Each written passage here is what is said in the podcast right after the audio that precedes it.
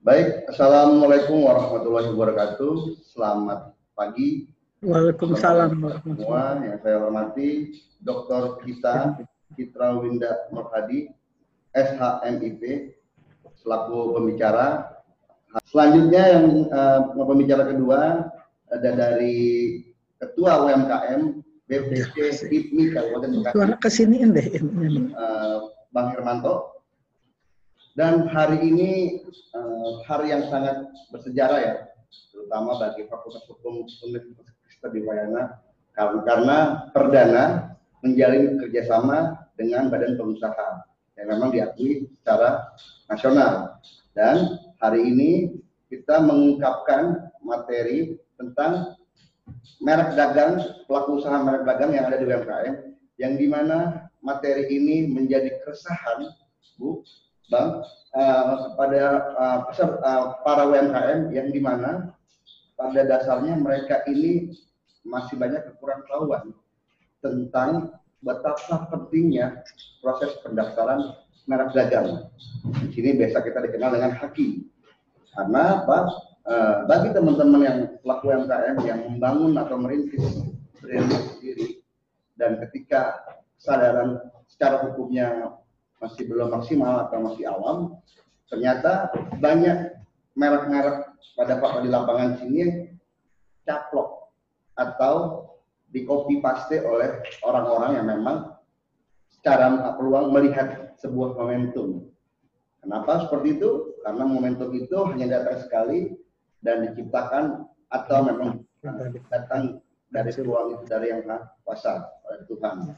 Langsung saja uh, agar materi ini semakin menarik, pertama uh, Ibu Cita, saya sedikit menginformasi Bu, uh, peserta di sini rata-rata ada yang dari teman-teman HIPMI Kabupaten Bekasi, lalu uh, FNB Food and Beverage uh, Bekasi Raya, yaitu dari Kota Bekasi dari Kabupaten Bekasi, serta teman-teman yang lainnya yang memang secara sadar melihat uh, apa namanya momentum ini atau materi sangat penting.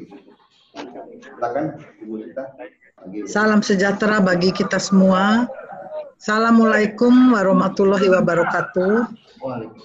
Jadi baik kalau begitu pada Bapak Wisnu Nugraha selaku moderator, mohon izin saya menggunakan slide ingin juga menambahkan tentunya terima kasih pada panitia penyelenggara dalam rangka mempersiapkan dan menyelenggarakan webinar pada hari ini dengan tema mengapa perlindungan merek terdaftar uh, sebetulnya tujuannya kan terutama bagi UMKM jadi perlindungan hukum produk UMKM melalui hak merek ya jadi ada hal-hal penting pada kesempatan ini yang ingin sampaikan, yang saya ingin sampaikan terkait dengan mengapa perlindungan merek itu penting ya bagi UMKM. Jadi kita melihat bahwa sekarang dalam eh, kita kaitkan dalam industri kreatif ya, ekonomi kreatif ya, di mana ada 16 sektor ekonomi kreatif di antaranya tentunya terkait dengan merek ya misalnya kita bicara bidang fashion, bidang karya fotografi, macam-macam yang terkait dengan bahkan kuliner ya. Sektor ke-16 dari ekonomi kreatif adalah kuliner. Nah, pada pagi hari ini judul yang diangkat ini adalah perlindungan merek yang merupakan bagian dari hak kekayaan intelektual ya, salah satu bidang hak kekayaan intelektual.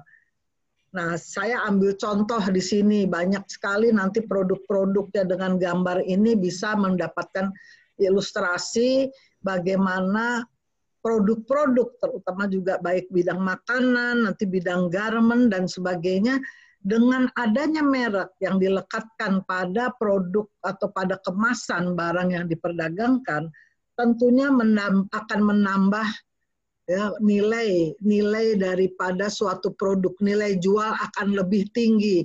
Saya berikan contoh pada gambar di sini donat tanpa merek harganya 25.000 per lusin. Tapi dengan merek ya donat Jeko misalnya. Sudah sangat menjadi terkenal bahkan Dunkin Donat saja sekarang kalah kelihatannya sama Jeko.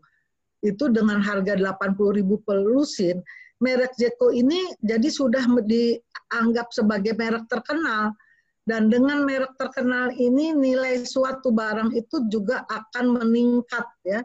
Nah oleh karena itu pada kesempatan ini akan saya jelaskan bagaimana pentingnya juga perlindungan merek bagi UMKM. Tapi memang terlepas dari nanti materi yang akan saya jelaskan, ada beberapa permasalahan sebetulnya yang terjadi pada UMKM. Para pelaku UMKM, mohon maaf, kurang peduli dan kurang tanggap terhadap perlindungan merek. ya. Nah, pendaftaran merek dianggap tidak terlalu penting. Nah, oleh karena itu sering kali nanti muncul kasus-kasus sengketa di bidang merek karena belakangan baru disadari betapa pentingnya perlindungan merek. Karena apa? Tanpa pendaftaran tidak akan ada perlindungan merek ya. Nanti saya jelaskan pada saat saya memasuki uh, substansi ya dari undang-undang merek. Nah perlindungan merek juga dianggap tidak berdampak signifikan terhadap perkembangan bisnis dari UMKM ya pendaftaran merek membutuhkan biaya yang besar dan proses pendaftaran merek itu dianggap sangat berbelit-belit ya bertele-tele lama lah dan sebagainya. Sehingga akhirnya aduh males deh mengajukan pendaftaran merek untuk apa lama dan sebagainya ya. Tapi padahal sangat penting ya. Nah ini contoh bagaimana produk-produk UMKM yang sudah terdaftar ini memiliki nilai akhirnya sehingga orang sudah kalau mereknya sudah terkenal, dikenal masyarakat, sangat mudah untuk menjual. Apalagi kita bicara sekarang ya, dalam situasi COVID-19, orang bekerja dari rumah. Banyak akhirnya menimbulkan banyak kreativitas ini. Ibu-ibu rumah tangga mulai buat kue, ya, jual, jual makanan dan sebagainya. Nah di sini peluang-peluang yang ada dan potensi ini kalau kemudian didaftarkan dengan merek tentunya akan memiliki uh, pengaruh yang positif ya bagi pemilik mereknya. Nah ini contoh lagi ya bagaimana bordir nih dari Bandung kemudian dari Jogja juga batik ini sudah UMKM yang sudah akhirnya terkenal dengan merek-mereknya. Nah, sebelum saya menjelaskan masuk pada materi tentang merek, apa saja sih yang penting ya nanti akan saya jelaskan. Kita bisa lihat dulu statistik nih. Statistik permohonan merek yang diajukan oleh UMKM. Ini pada Direktorat Jenderal Hak Kekayaan Intelektual. Misalnya di sini kita bisa lihat ya, ma mohon maaf tahun 2020 belum saya bisa dapatkan memang tidak ada datanya tapi bisa kita bandingkan dari tahun 2018 yang warnanya birunya agak tua ini adalah merek dagang, sedangkan yang biru muda itu mengenai jasa, merek jasa ya. Jadi kita tahu kalau merek jasa ya jasa restoran, insurance, ya perbankan, ya kebanyakan mungkin misalnya kedai kopi ya dalam situasi sekarang ini UMKM membuat kedai kopi atau kafe-kafe ini kita bicara merek jasa ya. Nah, kita lihat di tahun 2018 jumlah permohonan merek dari UMKM itu sebesar sejumlah 7.774. Jadi kita bisa lihat 2018 itu banyak sekali jumlah permohonan merek dagang ya sedangkan merek jasanya ada 1060 tidak heran kita lihat di mana-mana sekarang yang kafe, kedai kopi, warung kopi ya. Kemudian juga UMKM kita yang menjual kerajinan-kerajinan ya pemerintah memberikan kesempatan pada UMKM mengikuti pameran-pameran misalnya ya. Nah, di sinilah potensi ya keunggulan-keunggulan produk-produk UMKM daerah ini di sini bisa ditonjolkan, dimanfaatkan dengan mengikuti eh, pameran-pameran dalam kaitan dengan memperdagangkan barang-barang yang menggunakan merek ya. Nah, tahun 2019 jumlah permohonan merek dagang 4.544, sedangkan merek jasanya adalah 641 ya. Jadi sebanyak 641 ya. Jadi kita bisa melihat statistik ini yang tahun 2020 sekarang bulan Juni ya saya belum dapatkan berapa jumlah permohonan merek yang diajukan oleh UMKM ya pada Direktorat Jenderal Haki. Nah ini merek mengapa sih merek itu penting? Seseorang yang sudah mengusahakan katakanlah membuat produk ya barang-barang baik itu mungkin bidang pakaian ya sepatu apalagi dari Bandung itu banyak sekali pengusaha apa potensi-potensi ya orang-orang Bandung itu membuat produk-produk baik sepatu, ikat pinggang, materi jaket kulit dan sebagainya. Nah, ini produk-produk itu akan tidak memiliki nilai atau kurang bisa kita jual dengan nilai tinggi kalau tidak menggunakan merek. Jadi kita sekarang bicara merek, sekarang undang-undang yang berlaku adalah Undang-Undang Nomor 20 Tahun 2016 tentang merek dan indikasi geografis ya. Apa sih yang dimaksud hak?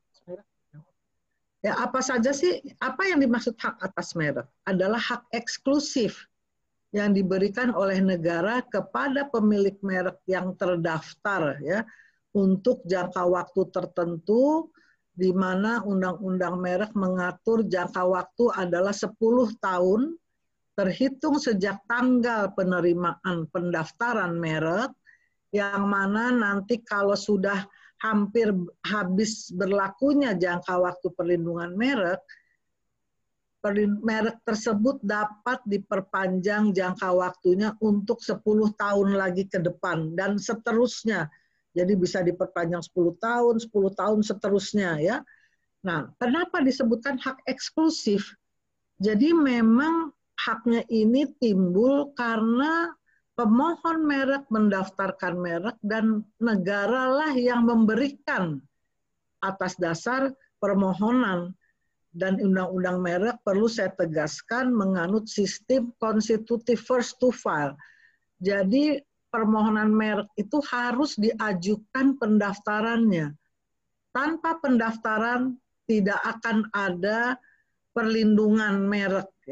Dan kita lebih terlebih lagi Indonesia ini sudah menjadi anggota dari persetujuan WTO ya, Perjanjian Pembentukan Organisasi Perdagangan Dunia.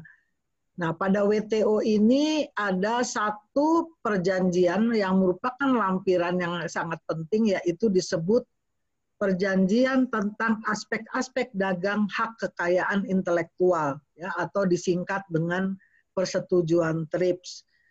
Nah, diaturlah di dalam persetujuan TRIPS bagaimana merek harus diberikan perlindungan, bagi merek-merek terkenal juga memiliki ketentuan tersendiri ya.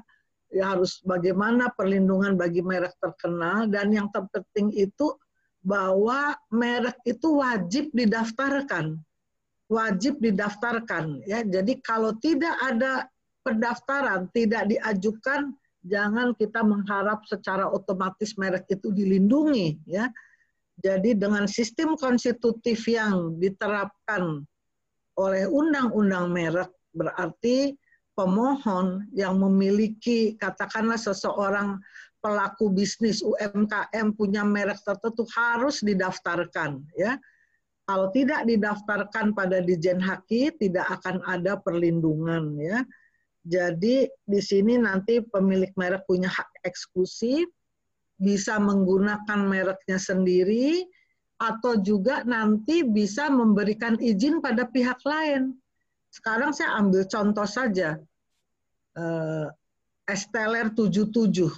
Di Australia ada tuh Esteller 77. Jadi dengan sudah go internasional, sudah di Indonesia didaftarkan dahulu. Jadi nomor satu yang penting, merek itu didaftarkan di negara asalnya. Daftarkan dulu di Indonesia. Begitu pemilik merek ingin melebarkan bisnisnya, memperluas bisnisnya setelah mendaftarkan mereknya, tinggal ditentukan di negara mana saja nantinya merek ini akan katakanlah barang-barang itu akan diproduksi, dipasarkan di wilayah Malaysia, Singapura misalnya, tetangga dekat kita dulu lah. Contoh Sari Ayu, produk kosmetik ya. Sudah industri kosmetik itu sudah go internasional didaftarkan di 40 negara. Jadi juga selain meningkatkan nilai dari barang itu sendiri, merek ini kan merupakan aset ya, aset baik individu, baik PT atau badan hukum, tapi juga di sini yang penting itu bahwa selain nanti merek itu dijual di pasaran ya itu juga potensi untuk kita bisa memberikan lisensi. Lisensi pada pihak-pihak lain yang ada di luar negeri.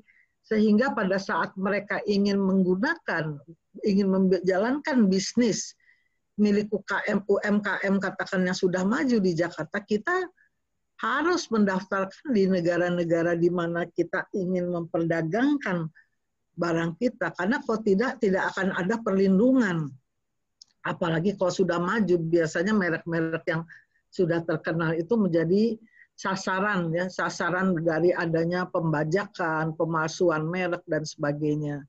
Nah, yang saya perlu tekankan tadi bahwa terkait dengan perlindungan merek ya kalau sudah diajukan yaitu punya ada hak eksklusif bagi pemiliknya. Satu hal lagi yang penting bahwa undang-undang merek itu bersifat teritorial. Jadi hanya berlaku di negara di mana merek tersebut didaftarkan.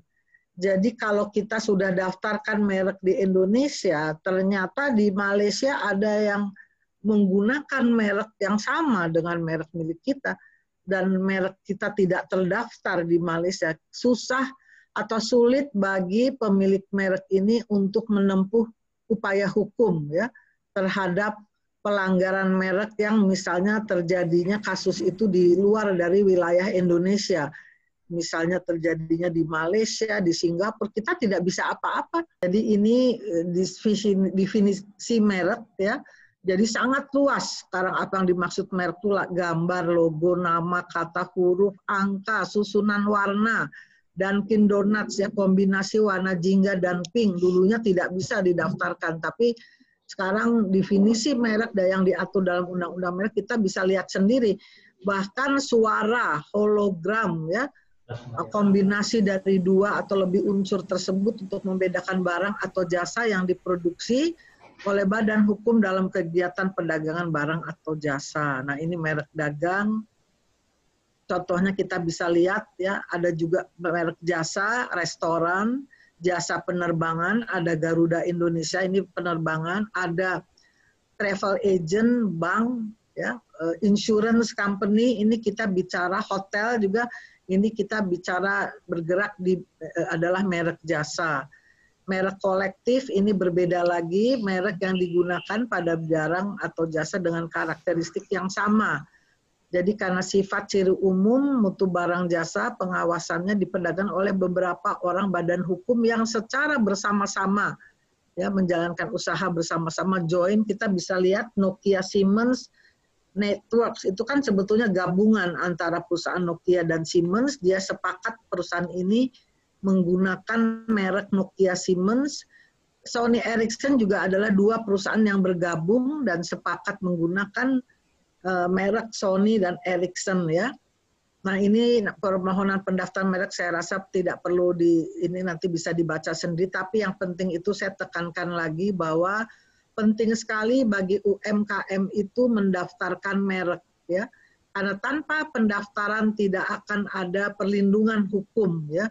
Itu nomor satu dan sebetulnya juga tidak bertele-tele sangat cepat sekarang prosesnya permohonan bisa diajukan baik melalui online atau secara manual sudah terbuka untuk umum dan memang UMKM juga mendapatkan perhatian khusus. Kita lihat tadi berapa jumlah permohonan merek baik merek barang maupun merek jasa di tahun 2018 tahun 2019 sangat banyak sekali Jadi jangan sampai UMKM yang sudah menjalankan bisnis tertinggal sampai belum melaksanakan uh, pendaftaran merek.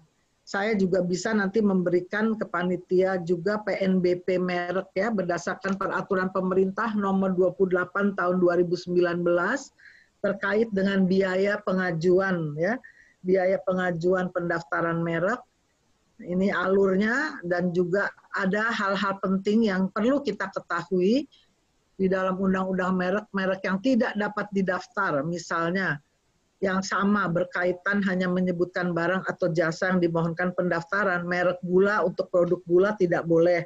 Merek teh untuk produk teh tidak boleh.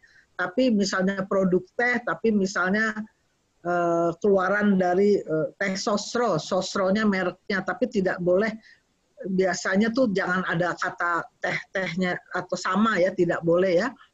Terus ada unsur yang menyesatkan masyarakat tentang merek kecap nomor satu. Nah itu juga tidak boleh. Ini ada hal-hal yang perlu kita perhatikan juga mengenai merek yang memuat keterangan yang tidak sesuai dengan kualitas manfaat atau khasiat dari barang rokok yang aman bagi kesehatan. Nah, itu tidak boleh. Kita sudah tahu rokok tidak aman bagi kesehatan ya. Tidak boleh kita membuat merek dengan ada slogan rokok aman bagi kesehatan atau obat yang dapat menyembuhkan seribu satu penyakit padahal nyatanya kita belum tahu, belum teruji ya obat itu apakah memang mampu menyembuhkan seribu penyakit ya tidak mungkin lah ya tapi yang paling penting juga untuk memperoleh perlindungan merek itu ya satu syarat utama yaitu merek itu harus memiliki daya pembeda.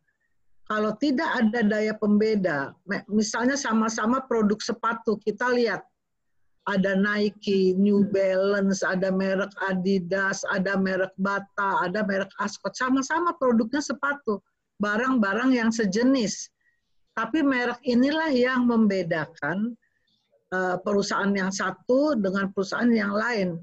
Jadi konsumen itu tidak terkecoh ya, tidak terkecoh tentang asal usul barang. Jadi nomor satu merek itu harus ada daya pembeda, tidak boleh mengandung persamaan pada keseluruhannya maupun persamaan pada pokoknya. Merek Prada ada yang daftar Prodo, merek Giordano, ada yang daftar Giordani. Nah ini sudah sudah merupakan persaingan curang, persaingan tidak sehat ya kalau kita bicara merek banyaknya perbuatan-perbuatan yang melanggar merek itu dikategorikan sebagai persaingan curang ya. Sekali lagi saya mempertegas ya kesimpulan bahwa UMKM adalah sangat penting untuk mendaftarkan merek sehingga menaikkan nilai merek tersebut dan juga merupakan aset sehingga nilai jual dari merek itu bisa bertambah. Saya rasa itu eh, terima kasih dan wassalamualaikum warahmatullahi wabarakatuh. Waalaikumsalam warahmatullahi wabarakatuh. Baik, sebelum selanjutnya eh, sedikit kita promosi ya. Eh, Fakultas Hukum Unkris menerima penerimaan mahasiswa baru gelombang ketiga pada tanggal 13 Juli sampai 22 Agustus 2020. Uh, diskonnya sampai 60 persen loh. Uh, jangan sampai kehilangan kesempatan, diskonnya sampai 60 persen loh. Oke, okay. selanjutnya ada sepatah dua kata dari Ketua BPC HIPMI Kabupaten Bekasi yang telah hadir. Silakan, saudaraku Ketua Umum Asmi Robani, silakan ya. Silakan. Tunggu. Ya, terima kasih uh, untuk Pak Wisnu atas waktunya. Assalamualaikum warahmatullahi wabarakatuh. Salam sejahtera untuk uh, kita semua. Yang yang saya hormati, yang pertama Ibu Dr. Cita Citrawinda, SH, MIP. Selamat siang, Bu. Kemudian yang saya hormati juga Pak Hermanto, Suhermanto, salah satu narasumber kita juga. Yang saya hormati Pak Wisnu Nugraha, moderator kita. Yang saya hormati eh, para mahasiswa Universitas Krisna Wipayana, juga yang saya hormati, sahabat-sahabat sekalian yang saya cintai, dan eh, teman-teman uh, HIPMI Kabupaten Bekasi. Alhamdulillah kita bisa berkumpul lagi di hari yang baik ini uh, dalam suatu forum yang insya Allah bermanfaat, yang mana uh, kita pada hari ini menyelenggarakan acara webinar ini dengan judul Perlindungan Hukum Produk UMKM melalui hak merek. Oh ya, uh, acara ini diselenggarakan atas kerjasama dari Unkris dan Ngerti Hukum ya, dan juga dengan BPC HIPMI Kabupaten Bekasi. Uh, perkenalkan, nama saya Azmi, Muhammad Azmi Robbani, saat ini saya diamanahi sebagai Ketua Umum BPC HIPMI Kabupaten Bekasi. Sedikit memperkenalkan, uh, HIPMI adalah Himpunan Pengusaha Muda. Kita kumpulan dari pengusaha muda. Kenapa disebut muda? Karena usianya ini dibatasi 40 tahun. Mudah-mudahan uh, masih semangat muda. HIPMI ada di setiap kota dan kabupaten uh, seluruh Indonesia. Kepengurusannya berjenjang mulai dari uh, tadi kota dan kabupaten, kemudian uh, ke provinsi sampai dengan ke pusat. Di uh, bidang entrepreneurship atau ekonomi pada umumnya. Uh, berbicara tentang pengusaha muda, baik yang baru ataupun yang sudah berjalan lama, saya rasa kita perlu mendalami atau memperdalam tentang hak merek di dalam usaha atau bisnis ini. Kita sering dengar uh, tentang hak merek, hak paten, haki, dan lain-lain. Atau yang kuliah juga mungkin sering uh, sudah belajar tentang teorinya, ataupun di media kita juga sering menyaksikan uh, biasanya ada perselisihan tentang hak paten uh, dan lain-lain tersebut. Yang terbaru mungkin kita sudah dengar uh, tentang hak merek itu di bidang kuliner. Kita mungkin teman-teman uh, sekalian sudah mendengar ya ada perselisihan uh, inilah kuliner ayam gitu. Saya nggak sebut merek gitu kan. Seorang artis lah. Uh, nah, maka dari itu menjadi penting bagi kita untuk pelajari, jangan dianggap remeh, karena dengan uh, mendaftarkan hak merek itu banyak juga uh, benefit yang didapat dari kita. Yang pertama mungkin tadi uh, sudah dijelaskan juga oleh Ibu Cita yang pertama itu memperkuat brand itu sendiri. Kita tahu bagaimana pentingnya branding dalam usaha, kemudian juga ada perlindungan hukum di dalamnya. Kemudian eh, dengan mendaftarkan hak merek kita itu juga menambah nilai aset atau nilai jual eh, brand kita sendiri. Oke, sedikit lagi.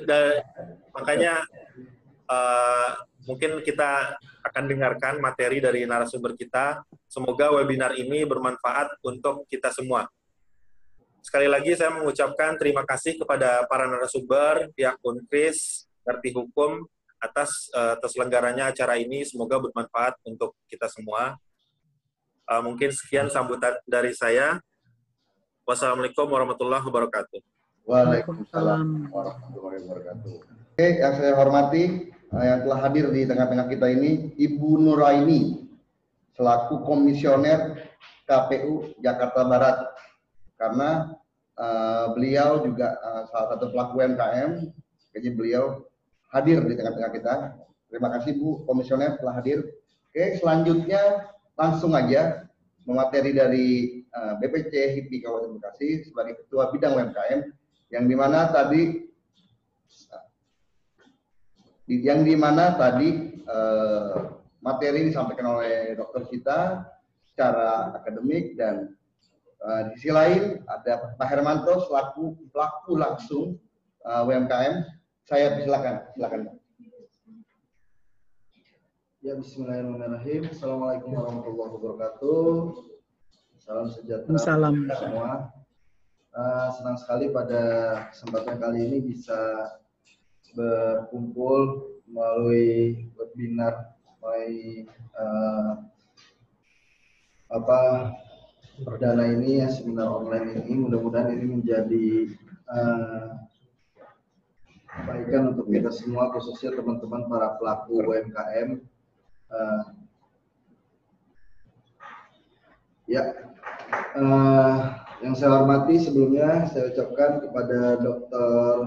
Dr. Cita selaku narasumber dan juga uh, yang telah memberikan materi pertama tadi kemudian kepada ketua kami, ketua umum HIPMI Kabupaten Bekasi, ketua uh, Azmi Robani, uh, dan kepada Bapak Wisnu yang telah uh, sudi bekerja sama mengundang kami teman-teman HIPMI Kabupaten Bekasi untuk kita sharing uh, pada kesempatan kali ini dan sharing ini cukup berbobot ya. Saya ingin sampaikan kepada teman-teman UMKM yang hadir, para pelaku UMKM yang hadir, bisa menyimak sampai akhir. Pastikan uh, ini cukup bermakna. Kenapa? Karena saya mungkin uh, sebagai pelaku uh, usaha UMKM khususnya dan memang bergerak di komunitas UMKM, sering kali di lapangan kita uh, betul tadi disampaikan Ketum Azmi terjadi banyak sekali kadang-kadang uh, perselisihan dalam dunia usaha khususnya pada kesempatan kali ini kita bicara dalam hal uh, perlindungan hak merek. Nah uh, di materi saya uh, sedikit saya sampaikan mungkin terkait dengan merek di dalam perkembangannya uh, merek uh, dagang saat ini alhamdulillah saya melihat betapa ternyata teman-teman pelaku UMKM yang dulu ya dulu sekali ya eh, mungkin kurun waktu 5-10 tahun belakangan itu belum terlalu aware belum terlalu uh, memiliki kesadaran tentang pentingnya merek gitu. Namun seiring berjalannya waktu uh, kesadaran tentang pentingnya merek ini semakin bertumbuh. Tadi sudah disampaikan sendiri langsung oleh uh, Ibu Dokter bahwa ada sebuah data di mana uh, yang mengajukan merek itu sudah di angka uh, 7 ribuan di 2019. Bahkan uh, di 2000 oh 2018 ya 7 ribuan sekian. Nah, di 2019 agak menurun. Ya, Nah, dari sini kita melihat bagaimana penting ya teman-teman UMKM ini uh, membutuhkan uh, merek gitu ya. Nah, saya ingin sampaikan di sini di sini kalau kita lihat ya bahkan termasuk pelaku online eh, pedagang online yang memang kalau kita tarik eh, berdasarkan eh, apa aturan di khususnya di Kabupaten Bekasi misalkan bahwa disebut UMKM itu ketika dia memang membuat kemudian uh, mengemas, packaging, kemudian dia juga menjual. Nah, kalau yang sifatnya di online tidak kadang tidak semuanya dia produsen, tetapi sudah pasti dia adalah penjual. Nah, bahkan sekedar sebagai penjual saja, ya, sekedar sebagai penjual atau seller, ya, dia melakukan selling di uh, dunia uh, digital hari ini, di mana kita tahu di masa pandemi corona Uh, tadi Bu Dokter juga sampaikan banyak ibu-ibu rumah tangga sudah mulai aware terhadap bisnis walaupun sifatnya uh, kecil-kecilan gitu ya. Nah, namun itu pun tidak bisa dipungkiri pentingnya merek uh, walaupun hanya sekedar bikin kue, bikinnya di dapur sendiri gitu ya, kemudian di dimasak sendiri, ditawarkan di marketplace gitu Nah, tetap harus ada merek gitu. Bagaimana mungkin orang bisa mengenal kalau dia tidak memperkenalkan mereknya. Tadi saya sih uh, lihat juga tadi di slide uh, Bu Dokter ada uh, brand UMKM yang sudah ternama gitu ya. Misalnya keripik pedasnya Maici yang dari Bandung. Itu, iya. uh, itu viral gitu kan. di masa di masa uh, mereka muncul gitu ya. Nah sekarang ini terus mulai berkembang, berkembang. Alhamdulillah pelaku UMKM sudah mulai sadar, sudah mulai ngerti ya. Namun uh, memang tidak begitu detail, gitu, tidak begitu mendalam. Uh, sering kali kejadian gitu, ketika dia mendaftarkan merek dagangnya, ya ternyata merek dagangnya ini tidak bisa didaftarkan. Tadi saya lihat sedikit juga slide-nya sebenarnya ini uh, apa padat banget Pak Wisnu yang disampaikan Bu Dokter ini sangat-sangat uh, teman-teman UMKM perlu banget ya tahu. Contoh tadi ada poin-poin di mana sesuatu yang berlaku umum gitu ya uh, yeah. tidak bisa dimerekin gitu. Di apa didaftarkan uh, merek hakinya gitu. Misalkan tadi rumah makan ya nggak bisa. Rumah makan brandnya apa pak? Rumah makan. Itu nggak bisa didaftarkan merek gitu ya. Uh, karena rumah makan berlaku umum. Setiap orang punya hak untuk uh, nama itu. Nah saya pernah kejadian bu dokter waktu itu uh, bikin apa namanya uh, uh, kuliner uh, barokah ya nama nama kulinernya kebuli barokah, barokah nasi kebuli barokah. Barokahnya nggak bisa didaftarkan merek. Iya. karena barokah itu milik umat gitu. Iya iya. Setiap setiap kita ya boleh memakai istilah barokah gitu. Kalau kita daftarkan merek barokah maka ntar di pengajian-pengajian Habib-Habib Ustadz-Ustadz pada biar kita barokah lah kena kena paten kena syu kan iya kan? Betul ya?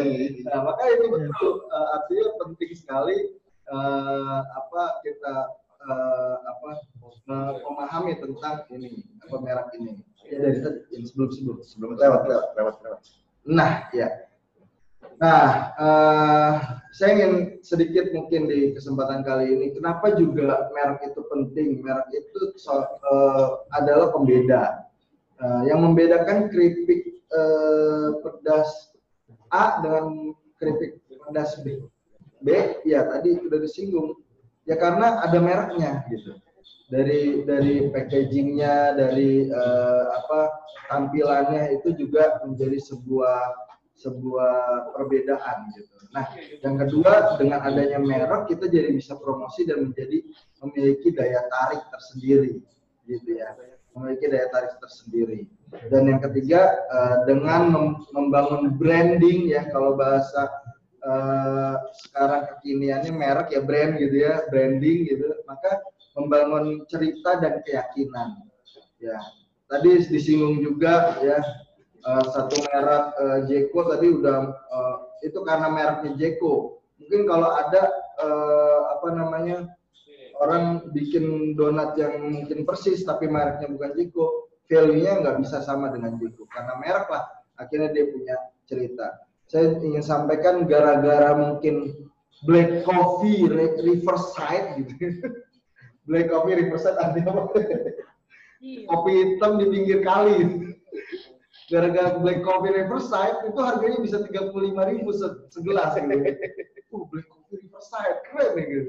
Padahal kalau kita artikan sama ya Pak Wisno ya kan dengan kopi hitam di pinggir kali gitu.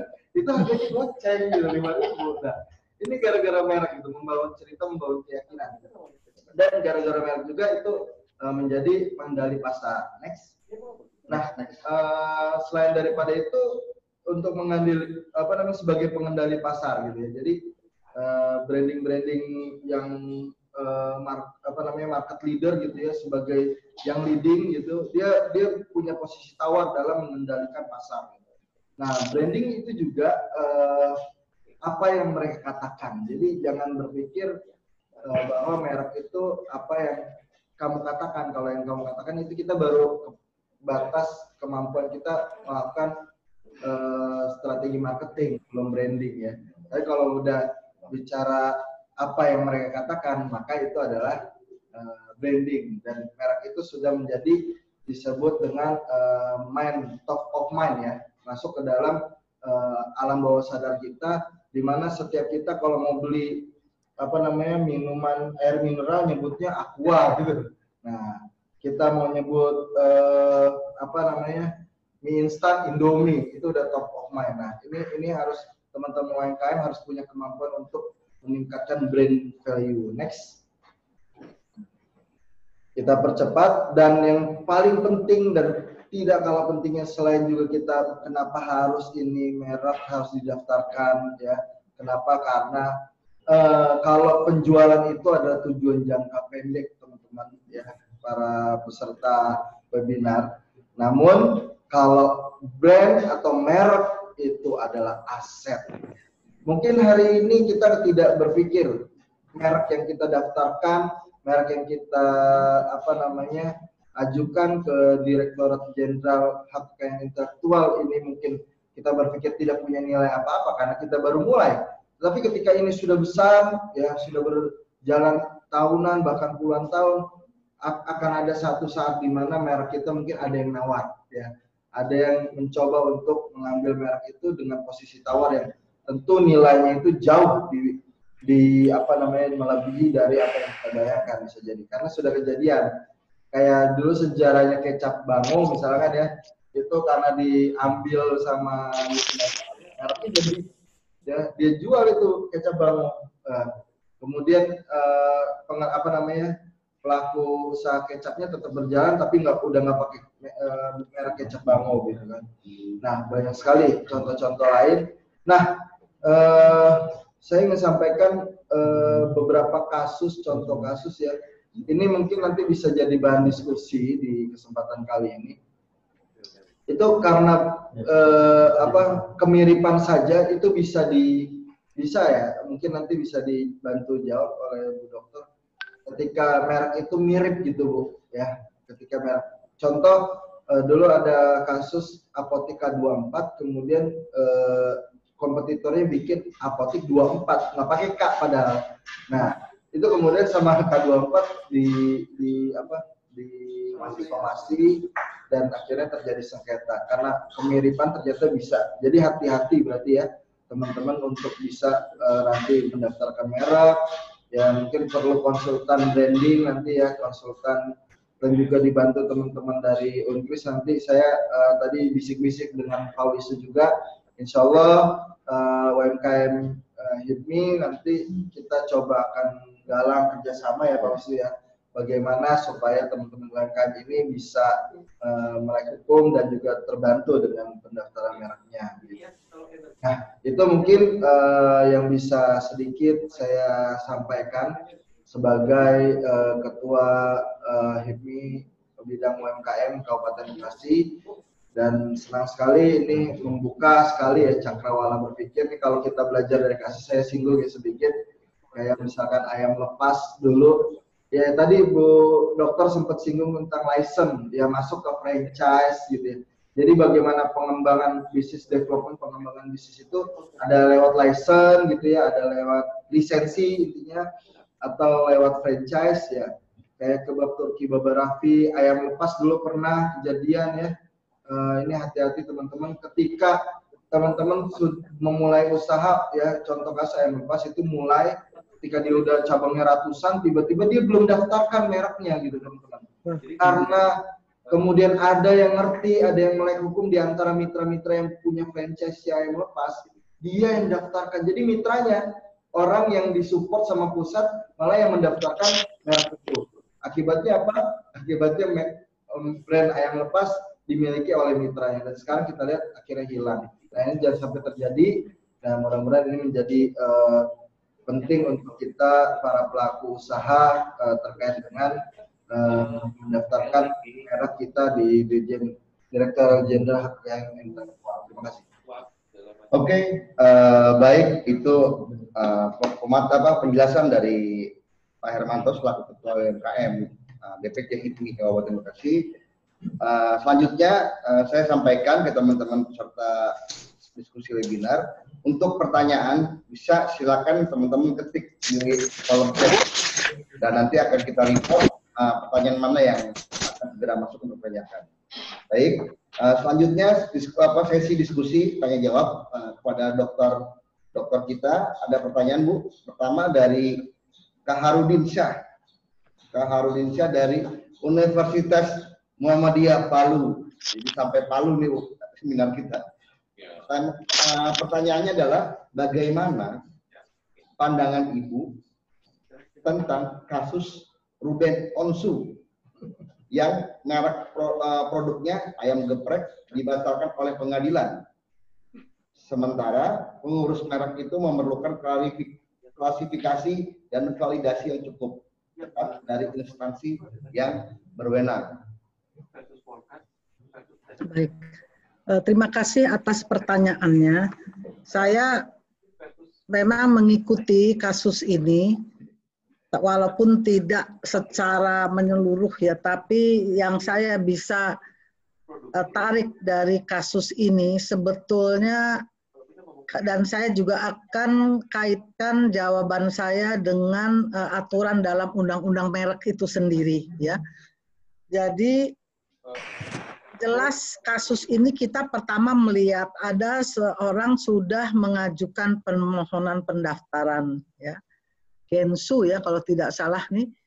Tapi kemudian kalau merek itu sudah terdaftar ya atas nama katakanlah seseorang kemudian ada pihak lain yang belakangan baru mengajukan permohonan pendaftaran merek. Nah, ini kita harus perhatikan permohonan merek yang mengandung persamaan pada pokoknya ataupun permohonan merek yang mengandung persamaan pada keseluruhannya dengan merek yang sudah terdaftar, sebetulnya dalam hal ini Direktorat Jenderal Kekayaan Intelektual menolak permohonan tersebut. Yang belakangan ya, permohonan merek karena apa? Permohonan tersebut mengandung persamaan bisa baik pada pokoknya misalnya atau ada persamaan pada keseluruhannya ya.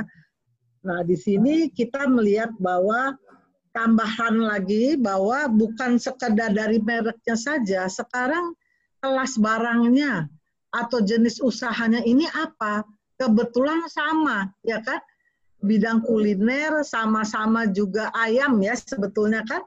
Nah, ini jelas-jelas sudah ini persaingan curang ini sebetulnya Nah, jadi terjadi pertama saya bisa komentari pandangan saya bahwa terjadi persaingan curang. Ya jelas ya.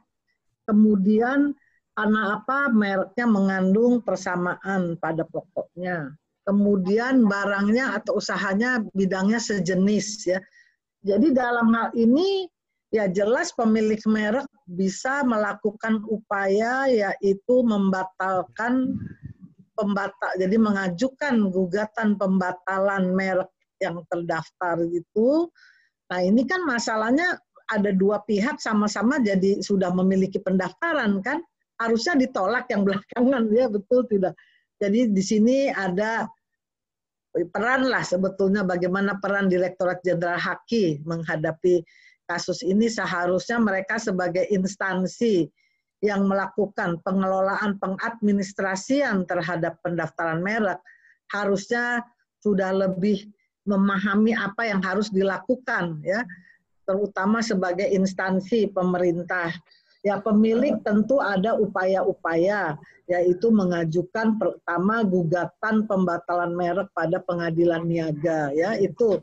Jadi pendapat saya ya di sini terjadi sebetulnya ada itikat tidak baik ya nomor satu penting juga nih kalau kita kembalikan pada eh, undang-undang uh, merek ada ini apa ketentuan.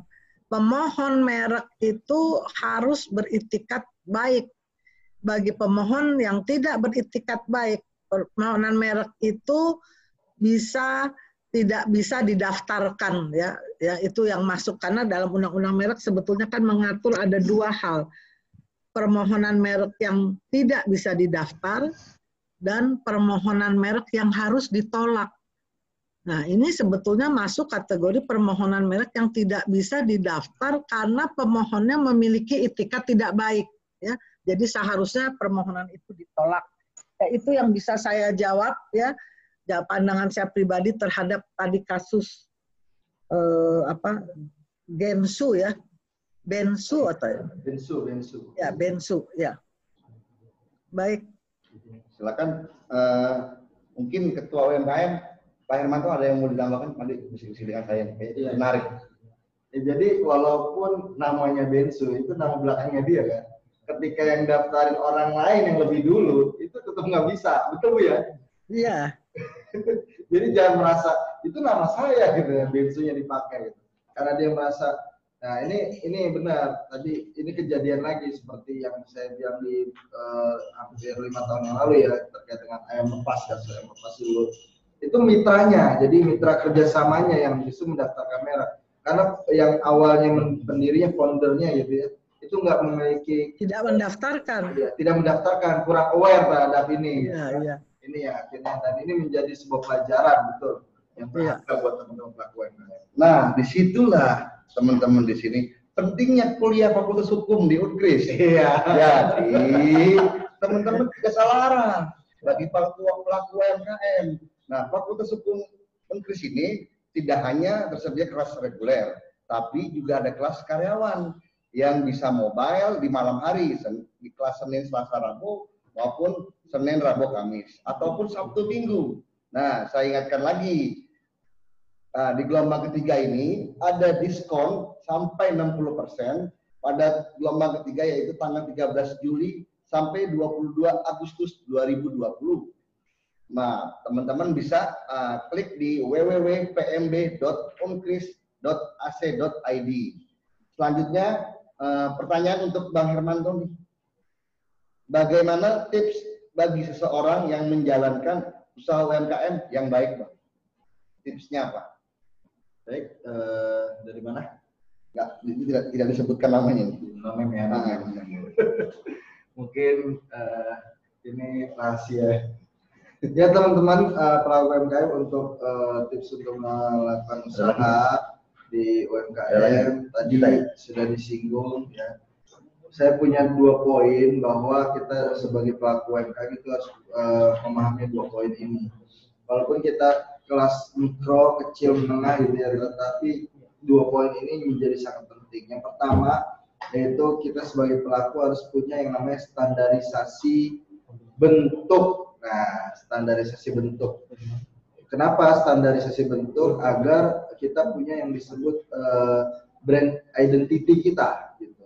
Bentuknya dari mulai depan, dari mulai orang melihat di depan, kalau itu bentuknya rumah makan, kuliner, itu harus punya standar. Jadi jangan sampai kita buka 10 cabang gitu. Di cabang pertama bentuknya kayak gimana, cabang kedua beda lagi, cabang ketiga jangan. Harus distandarkan semua. Itu yang pertama dari sisi bentuk. Bentuk itu juga berupa yang kita sekadar sekarang ini sedang bahas, yaitu terkait dengan merek gitu ya. Bentuk itu juga berupa fasad ya, perwajahan dari outlet kita, perwajahan dari uh, gerai kita, uh, tempat usaha kita dan uh, bentuk juga dari sisi interior, eksterior kalau itu berupa kuliner atau rumah makan gitu. Nah, kalau itu berupa uh, apa produk ya bentuk dari sisi packaging. Nah, itu harus distandarisasi, distandarisasi. Jadi di mana pun kita berada ketika kita menemukan produk tersebut ya uh, di mana pun, kapan pun kita udah tahu ini produknya si A gitu, produknya si B karena dia sudah terstandar secara bentuk. Gitu. Nah, yang kedua adalah standarisasi proses. Nah, pastikan teman-teman juga sudah mulai menstandarkan proses bisnisnya, proses usahanya. Dari mulai uh, uh, proses produksi, kemudian proses uh, apa namanya, termasuk yang kadang-kadang teman-teman UMKM ini kurang aware adalah proses pengelolaan keuangan. Jadi uh, finansial literasinya ini harus dibangun ya, kalau ya. Manajemen ya. Manajemen keuangannya gitu. Standarisasi proses. Kalau kita punya kuliner, kita punya resto, kita punya rumah makan, kita standarkan proses bahkan sampai distandarkan mulai dari customer datang sampai customer pulang gitu. Ini kuliner restoran kita nih mau kita bikin orang makan dulu baru bayar atau orang bayar dulu baru makan kan gitu ya.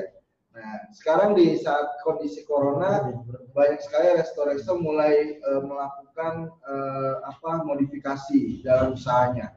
Dia mulai masuk ke wilayah uh, frozen food gitu. Nah, ini juga jangan sampai merusak branding. Pastikan merek yang sudah dibangun secara apa namanya uh, restoran yang sudah dibangun secara rumah makan gitu ya bentuk rumah makannya, tetapi juga harus terbangun di dalam bentuk packaging yang nanti disiapkan, nanti ditawarkan melalui uh, apa namanya frozen food yang mungkin nanti dipasarkan melalui Yang kalau- marketplace ya seperti Bukalapak bisa, atau di beli-beli.com atau yang mana silakan Itu mungkin dua poin itu. Jadi buat standarisasi proses dan buat standarisasi bentuk. Terima kasih. Oke, uh, teman-teman, uh, sekali lagi jangan sia-siakan kesempatan ini. Pembicara kita, uh, dokter kita juga merupakan salah satu uh, anggota International Trademark Association atau INTA.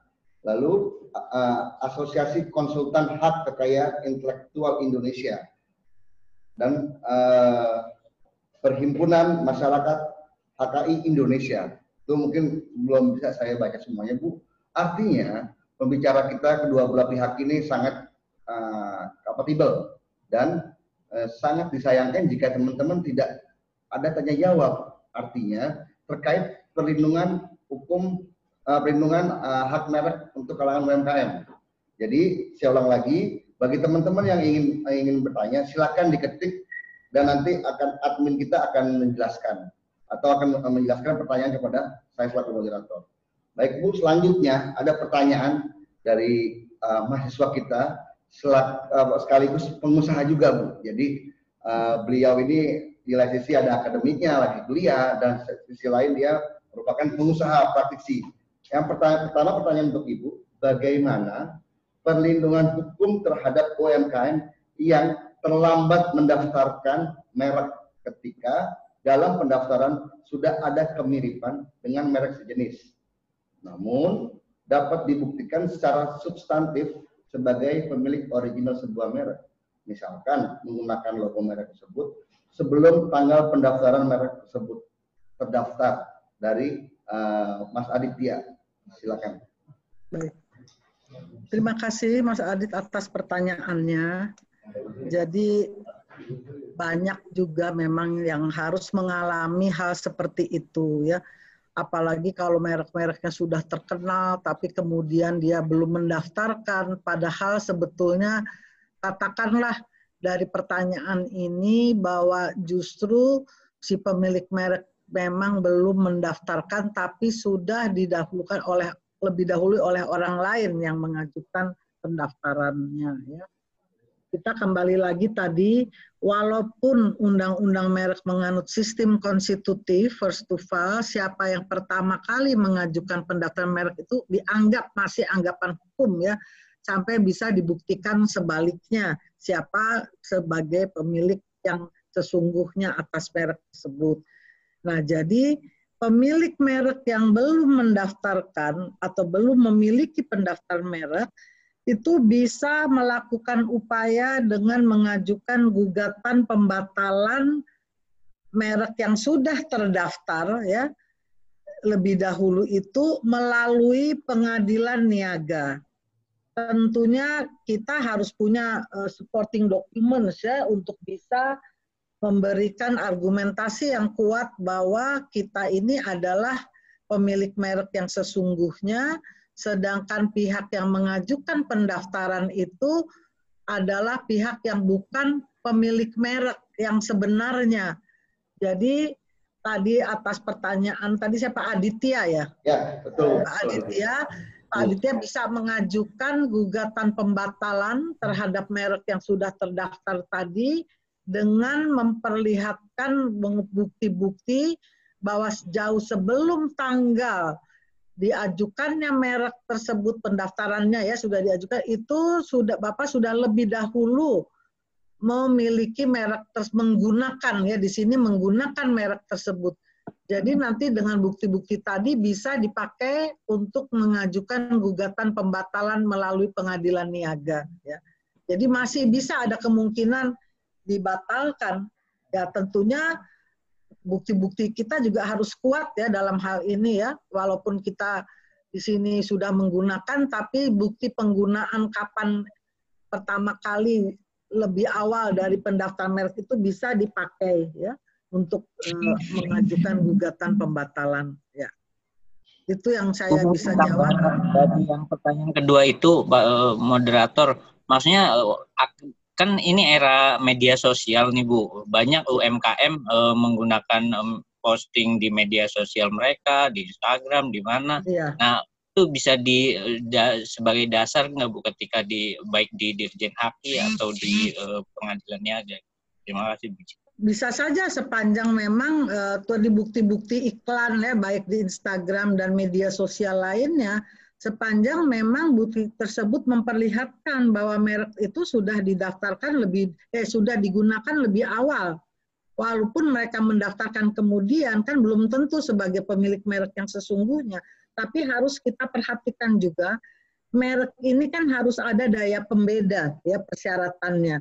Jadi kalau merek itu katakanlah kata-kata yang sudah menjadi milik umum ya, terus kita juga mau meng, eh, mengklaim itu sebagai memonopoli katakan itu sebagai merek kita juga tidak bisa karena itu sudah kata-kata yang menjadi milik umum.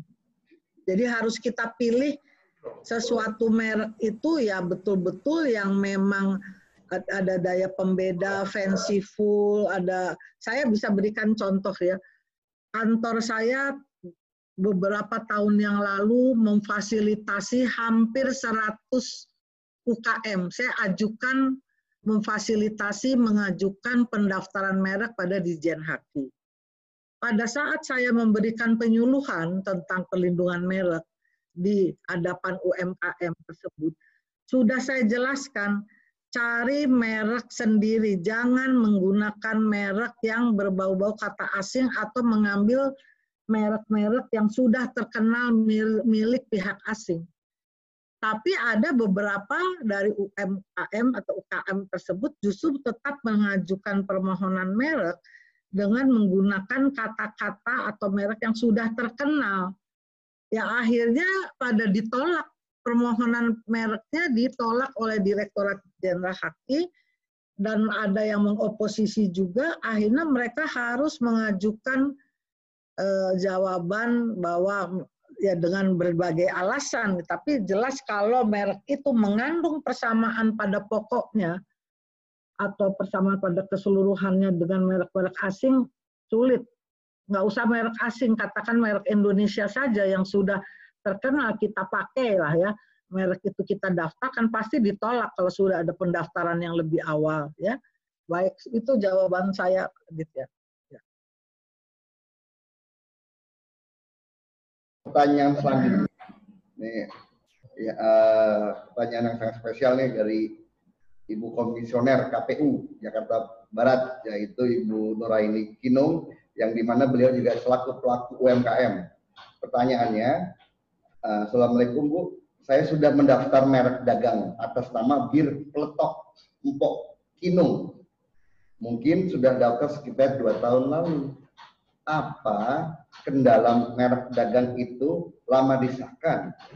Terus standar apa saja supaya lebih cepat merek kita terdaftar di Haki. Ini bagaimana cara mengecek merek kita sudah ter, sudah di ACC atau belum? Sekian Bu pertanyaannya. Silakan Ibu kita dijawab. Terima kasih Bu Penuraini ya Ibu Komisioner dari KPU atas pertanyaannya jadi Ibu sudah mengajukan cukup lama juga ya Bu menunggu proses sampai dikabulkan. Sudah dua tahun ya Bu. Nah sekarang pertanyaan saya kok sampai sudah dua tahun masih belum dikabulkan. Apakah seluruh persyaratannya sudah dipenuhi atau tidak Bu? Jadi persyaratannya juga perlu mungkin dicek kembali. Sebetulnya bisa saja dicek pada Direktorat atau pada kantor merek ya direktorat merek sampai sejauh mana ibu bisa menyurati menyurati direktorat merek menanyakan sejauh mana sampai sejauh mana proses pengajuan permohonan merek. Mengingat semakin lama kan sulit juga Bu karena pemohon itu kan memerlukan kepastian hukum atas suatu merek yang telah diajukan pendaftarannya jadi mohon bisa dicek, Ibu bisa menyurati Direktorat Merek, menanyakan sampai sejauh mana proses pendaftarannya. Saya khawatir jangan-jangan ada persyaratan yang masih belum dipenuhi, ya. Karena pada saat merek sudah dilengkapi persyaratan sepenuhnya dan diumumkan itu biasanya sekarang apalagi sistem pendaftaran itu lebih cepat ya. Jadi khawatirnya ada hal-hal yang mungkin persyaratan yang belum dipenuhi. Jadi Bu Nura ini bisa membuat surat pada Direktorat Merek pada khusus ditujukan saja khusus pada direktur merek. Ibu bisa menanyakan, menjelaskan jadi dari aplikasi diajukan tanggal berapa, nomor permohonan permintaan mereknya nomor berapa. Nah, persisnya mungkin kelas-kelas barangnya sudah sesuai ya. Nah, ini yang penting mungkin ditinjau kembali dan ditanyakan ya, ditanyakan pada Direktorat Merek. Oke, uh, silakan dari Yunda Nuraini Kinung, ada yang mau tanggapannya? Ya, terima kasih. Assalamualaikum warahmatullahi wabarakatuh. Mohon maaf nih, saya lagi ada juga ada rapat juga daring di kantor uh, sambil uh, ini ya sambilan juga nih. Uh, saya ini udah uh, mendaftarkan merek dagang saya hampir mungkin dua tahun lebih atas nama Bir Peletok Kepokinu. Nah itu prosedurnya uh, karena waktu itu teman saya yang kerja di Haki, dia mencoba mendaftarkan, tapi dia bilang kemarin hampir sebulan ini, eh sebulan yang lalu dibilang udah mau jadi, tapi sampai sekarang juga merek dagangnya belum jadi. Nah itu uh, prosedurnya seperti apa yang seperti yang saya tanyakan di chat tadi, uh, mungkin silakan dijawab sama narasumber kita. Terima kasih. Assalamualaikum warahmatullahi wabarakatuh. Waalaikumsalam. Mungkin ya. sinyal kali ya. Oh ya, Bu maaf Bu Gita tadi mungkin sinyalnya terputus. Jadi, tadi tidak ada suaranya, tapi tadi barusan sudah sejelas ya. Jelas tadi. Jadi bisa saya jawab sekarang, baik Bu Nuraini. E, memang sebaiknya saran saya Ibu menyurati.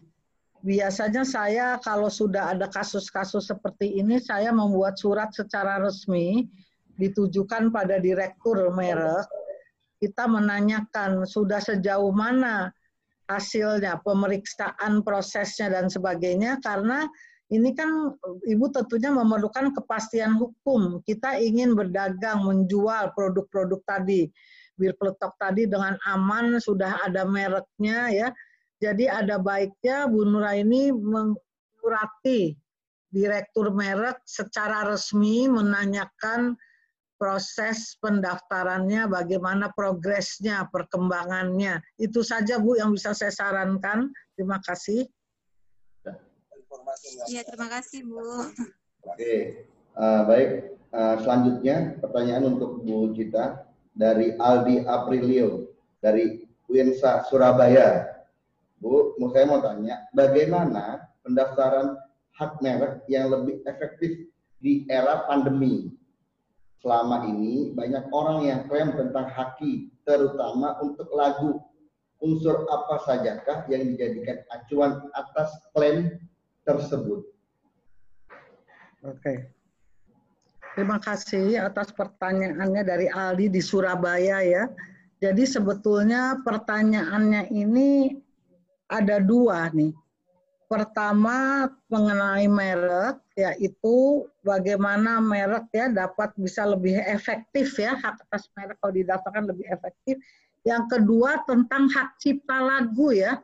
Kalau kita bicara tentang merek ya, hak merek yang lebih efektif, ya tadi kita cari merek yang betul-betul katakanlah unik ya. Kita jangan ya kita sebaiknya search juga bisa lakukan search dulu penelusuran. Jangan sampai kita mendaftarkan merek ternyata mereknya sudah ada atau mengandung persamaan pada pokoknya atau keseluruhannya dengan merek orang lain. Kita sebaiknya melakukan penelusuran. Kita bisa melakukan penelusuran melalui komputer kita cek merek-merek apa yang sudah ada sehingga merek kita tidak sama ya dengan apa yang sudah terdaftar nanti mubasir sia-sia permohonan merek kita malah ditolak. Jadi sebaiknya cari merek yang khas, yang unik. Persyaratan bisa dipenuhi dan dalam kaitan dengan situasi COVID-19 sekarang ini, Saudara Aldi bisa mengajukan lewat online, ya pendaftaran secara online kan sekarang sudah dibuka pendaftaran merek secara online lebih cepat, persyaratannya juga jelas, nanti bisa dilihat di website di Jenhaki ya, buka laman di Jenhaki, persyaratan-persyaratan apa yang harus dipenuhi sehingga bisa sangat efektif, tidak perlu nunggu lama-lama ya. Nah kemudian kemudian pertanyaan yang kedua sebetulnya hak cipta lagu nih. Jadi berbeda ya jenis atau bidang hak kekayaan intelektual, ada bidang merek, ada bidang hak cipta. Jadi yang Mas Aldi tanyakan, yang kedua itu bukan merek, tapi terkait dengan perlindungan hak cipta di bidang lagu. Ya, perlindungan hak cipta di bidang lagu di dalam undang-undang hak cipta memang diatur ya, undang-undang hak cipta mengatur ciptaan-ciptaan yang bisa dilindungi dalam bidang ilmu, pengetahuan, seni, dan sastra merek berbeda, merek itu kita bicara tanda yang dilekatkan pada barang-barang yang diperdagangkan. Lebih jelas lah kita tahu ya eh, perbedaan merek. Tapi hak cipta di bidang musik ini eh, memang musik itu dilindunginya sebagai hak cipta. Jadi merek berbeda, berdiri sendiri, hak cipta juga berdiri tersendiri ya. Jadi itu nanti tadi pertanyaannya yang spesifik terkait lagu apa ya? Mungkin saudara bisa dibuka ini nyamuknya biar langsung bertanya ke narasumber.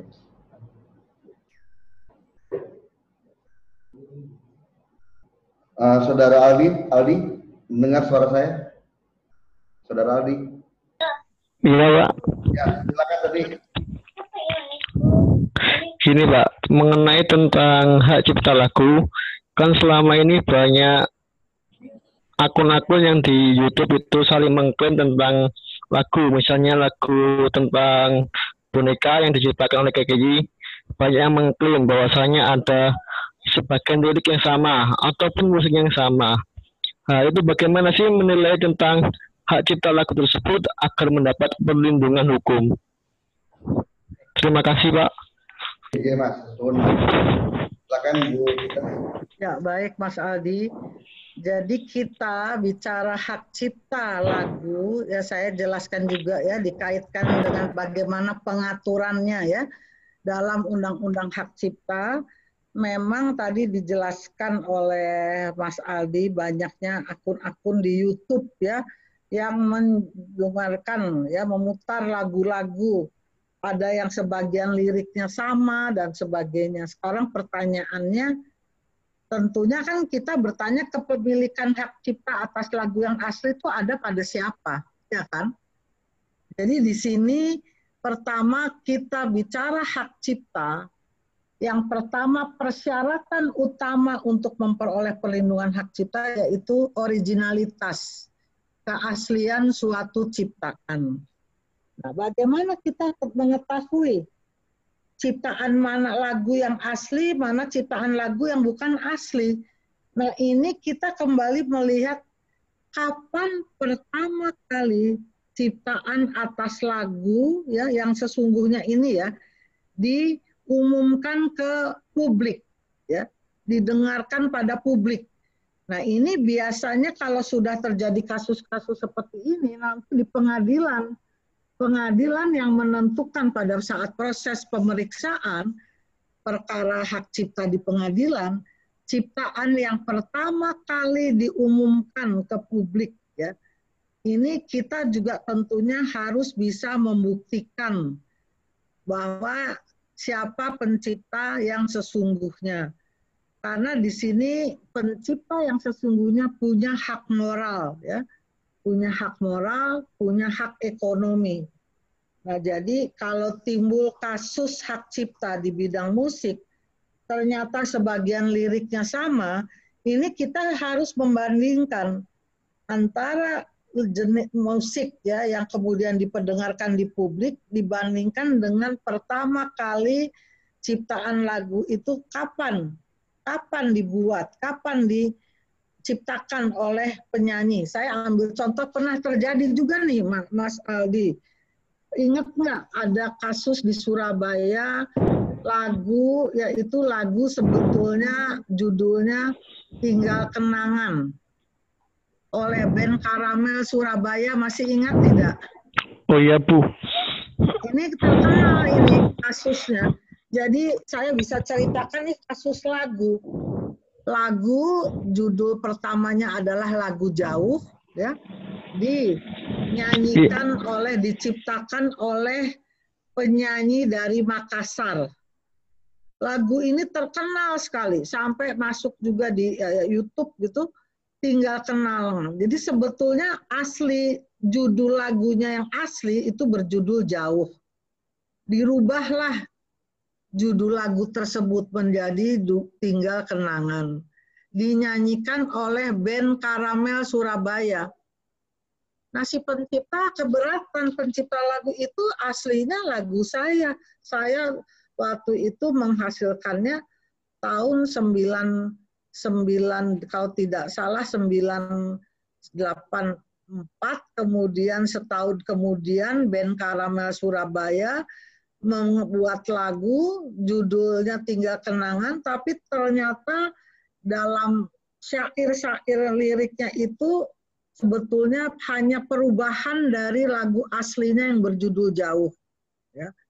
Nah, tentunya si pencipta lagu Jauh keberatan ini sampai ke pengadilan Jakarta Pusat ya, Pengadilan Niaga Jakarta Pusat kasusnya yaitu pelanggaran hak cipta terhadap lagu ya, lagu jauh. Jadi di sini ada dua unsur karena ada penggantian perubahan judul lagu di sini jadi terdapat pelanggaran terhadap hak moral dan penggandaan lagu-lagu yang diperbanyak oleh eh, produser fonogram, produser rekaman suara, ini terdapat juga akhirnya pelanggaran di bidang hak ekonominya. Ya, jadi ada un, dua unsur. Nah ini juga saya ingat karena saya kebetulan dulu yang menangani kasus ini justru pihak lawan itu juga Karam, band Karamel Surabaya ini yang dulu juga karena lagu ini sempat terkenal sekali sehingga muncul sembilan sembilan pihak itu yang menggunakan semua namanya karamel, band karamel, karamel. Jadi termasuk ada dari Bekasi juga waktu itu, band karamel, ada dari Surabaya ya. Jadi kembali tadi ya, Mas Aldi hak cipta lagu, walaupun timbul banyak kasus, kembali lagi cipta sesungguhnya, ya jelas dia punya hak moral, punya hak ekonomi, dia punya bukti, dia yang pertama kali menciptakan dan syaratnya adalah keaslian dari ciptaan ya. Tapi tentu pihaknya bisa menempuh upaya hukum ya melalui pengadilan pengadilan niaga ya. Baik, terima kasih. Oke, uh, mungkin sebelum ditutup acara ini saya uh, sedikit memberi sebuah tanggapan ya. Artinya bahwa hak merek ini saya rasa semua penting bagi teman-teman pelaku UMKM jujur Bu, saya juga akhirnya merasa bukan penting sih, sempat menggampangkan karena saya apa namanya pengajar hukum, saya juga punya usaha kopi, tapi karena mikir oh, udah gampang nanti aja belum ramai. Akhirnya untung waktu itu dikejar sama teman-teman udah daftar daftar alhamdulillah kita sudah daftar. Jadi memang sebenarnya kesadaran kesadaran kita pribadi dan ketidaktahuan makanya yeah. di sini ada ada ketua BPC HIPMI ya Pak Asmi sebenarnya tadi Bu Cita juga sudah memberikan uh, sinyal bahwa uh, beliau mau bekerja sama, artinya apalagi dengan pelaku UMKM di sini. Jadi artinya setelah ini kita masih bisa ya Bu ya, untuk ya semoga ini semua wabah sudah sudah ada sinyal atau sudah ada hilal terkait vaksinnya, kita bisa sama-sama bekerja sama Fakultas Hukum Inggris, lalu BPJ IPMI yang di mana kita bisa meng-hire atau kita bisa merangkul teman-teman pelaku UMKM terkait edukasi sampai pendaftaran. Artinya kedua belah pihak ini sama-sama sinergis untuk kepentingan bangsa dan negara dan terutama kepada pelaku putra putri daerah yang memang mempunyai potensi sangat besar. Jadi itu uh, mungkin sedikit uh, kesimpulan dari saya. Mungkin Bang Hermanto sebelumnya silakan closing statement pelaku narasumber. Ya, terima kasih uh, Pak Wisnu. Uh, Tadi kita lihat uh, sudah diskusi cukup panjang, kemudian pemaparan materi dari Bu Dr. Cita. Alhamdulillah senang sekali uh, di closing statement kali ini saya hanya mencoba untuk mengingatkan kembali bahwa yuk kita mulai uh, aware terhadap uh, merek kita sendiri. Jangan sampai ini kemudian uh, terlambat di kemudian hari teman-teman jangan pernah berpikir bahwa uh, bisnis saya masih kecil. Ya mulai memulailah dari yang kecil tapi paling tidak teman-teman harus punya mimpi yang besar gitu ya. Bahwa merek dagang teman-teman nanti di kemudian hari setahun dua tahun lima tahun sepuluh tahun ke depan bukan tidak mungkin akan menjadi besar ya. Jadi mulailah dari sekarang mulai saat ini kalau kata Agim ya kan mulailah saat ini mulai dari hal yang terkecil ya ya, insya Allah mudah-mudahan dari pemaparan yang sama-sama kita ikuti pada kesempatan kali ini uh, memberikan kesadaran buat para pelaku UMKM daftarkan segera mereknya. Untuk yang belum ya uh, biasanya memang ada proses yang cukup panjang dan dari pihak haki biasanya memberikan batas waktu gitu. Ketika kita daftarkan ada batas waktu tertentu. Begitu bu ya ada yeah. batas waktu tertentu apakah merek yang kita daftarkan ini memang betul uh, belum ada yang mendaftarkan gitu ya dalam proses uh, waktu yang tertentu tersebut uh, untuk membuktikan memang merek itu betul-betul baru kita daftarkan mungkin itu jadi uh, ikuti saja prosesnya. Insya Allah nanti di uh, kita akan buat ya uh, program untuk pendampingan pendaftaran merek buat teman-teman pelaku UMKM silakan nanti uh, bisa menghubungi ad, uh, admin atau panitia yang sekarang sedang bertugas. Terima kasih. Saya Hermanto juga mohon maaf atas segala kekurangan dan kehilafan jika ada hal yang kurang berkenan. Terima kasih Pak Wisnu. Assalamualaikum warahmatullahi wabarakatuh. Silakan Bu Cita, Dr. Cita untuk close, apa, closing statement pembicara. Ya. Jadi baik ya kepada peserta webinar ya, peserta juga UMKM di mana kita tahu dalam situasi sekarang ini memang kembali semua di apa letakkan pada keahlian keterampilan masing-masing ya.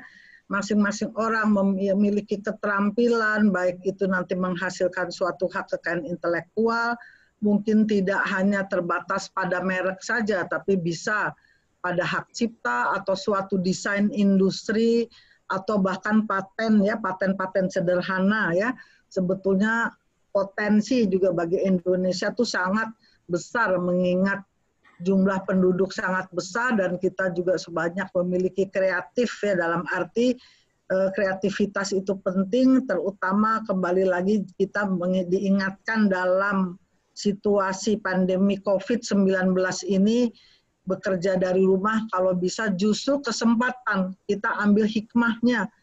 Kita mau membuat kue kita mau menjahit. Kayak saya nih ke dalam situasi COVID-19 ini saya nulis buku. Jadi mudah-mudahan bisa dua buku nanti selesai gitu ya. Sayang juga kan nah ini kira-kira supaya uh, UMKM saya harap jangan menunda-nunda waktu lagi, segera daftarkan mereknya, apalagi pemerintah sudah mempermudah dengan adanya sistem pendaftaran melalui online ya. Jadi saya mengharapkan UMKM tetap semangat ya. Semua salam sehat semua buat pe, eh, apa yang hadir dalam webinar ini juga buat narasumber lainnya juga Pak Moderator. Salam sehat dan wassalamualaikum warahmatullahi wabarakatuh. Waalaikumsalam warahmatullahi wabarakatuh. Sebelum diakhiri, saya ingatkan lagi pada teman-teman ingin tahu kekepoan tentang ilmu hukum yang tadi di, sudah disampaikan terkait hak merek bisa memperdalam lagi dengan ilmu hukum yang lainnya eh, teman-teman bisa ikut dalam uh, kuliah atau uh, sebagai mahasiswa baru di Fakultas Hukum Unkris di gelombang ketiga pada tanggal 13 Juli sampai 22 Agustus. Artinya di sini ada diskon yang saya rasa cukup menggiurkan sampai 60 persen. Jadi jangan disia-siakan uh, apa namanya fasilitas ini atau privilege ini uh, bisa aja langsung masuk ke www.pmb.unkris.ac.id. Mungkin itu aja sekian uh, dari saya selaku moderator. Uh, mohon maaf jika kekurangan kata-kata frasa dan lainnya. Saya harap ke depannya kita bisa lagi menjalin sebuah silaturahmi, sebuah kerjasama yang bisa menghasilkan sesuatu yang bermanfaat tentunya bagi masyarakat umum. Assalamualaikum warahmatullahi wabarakatuh. Selamat siang.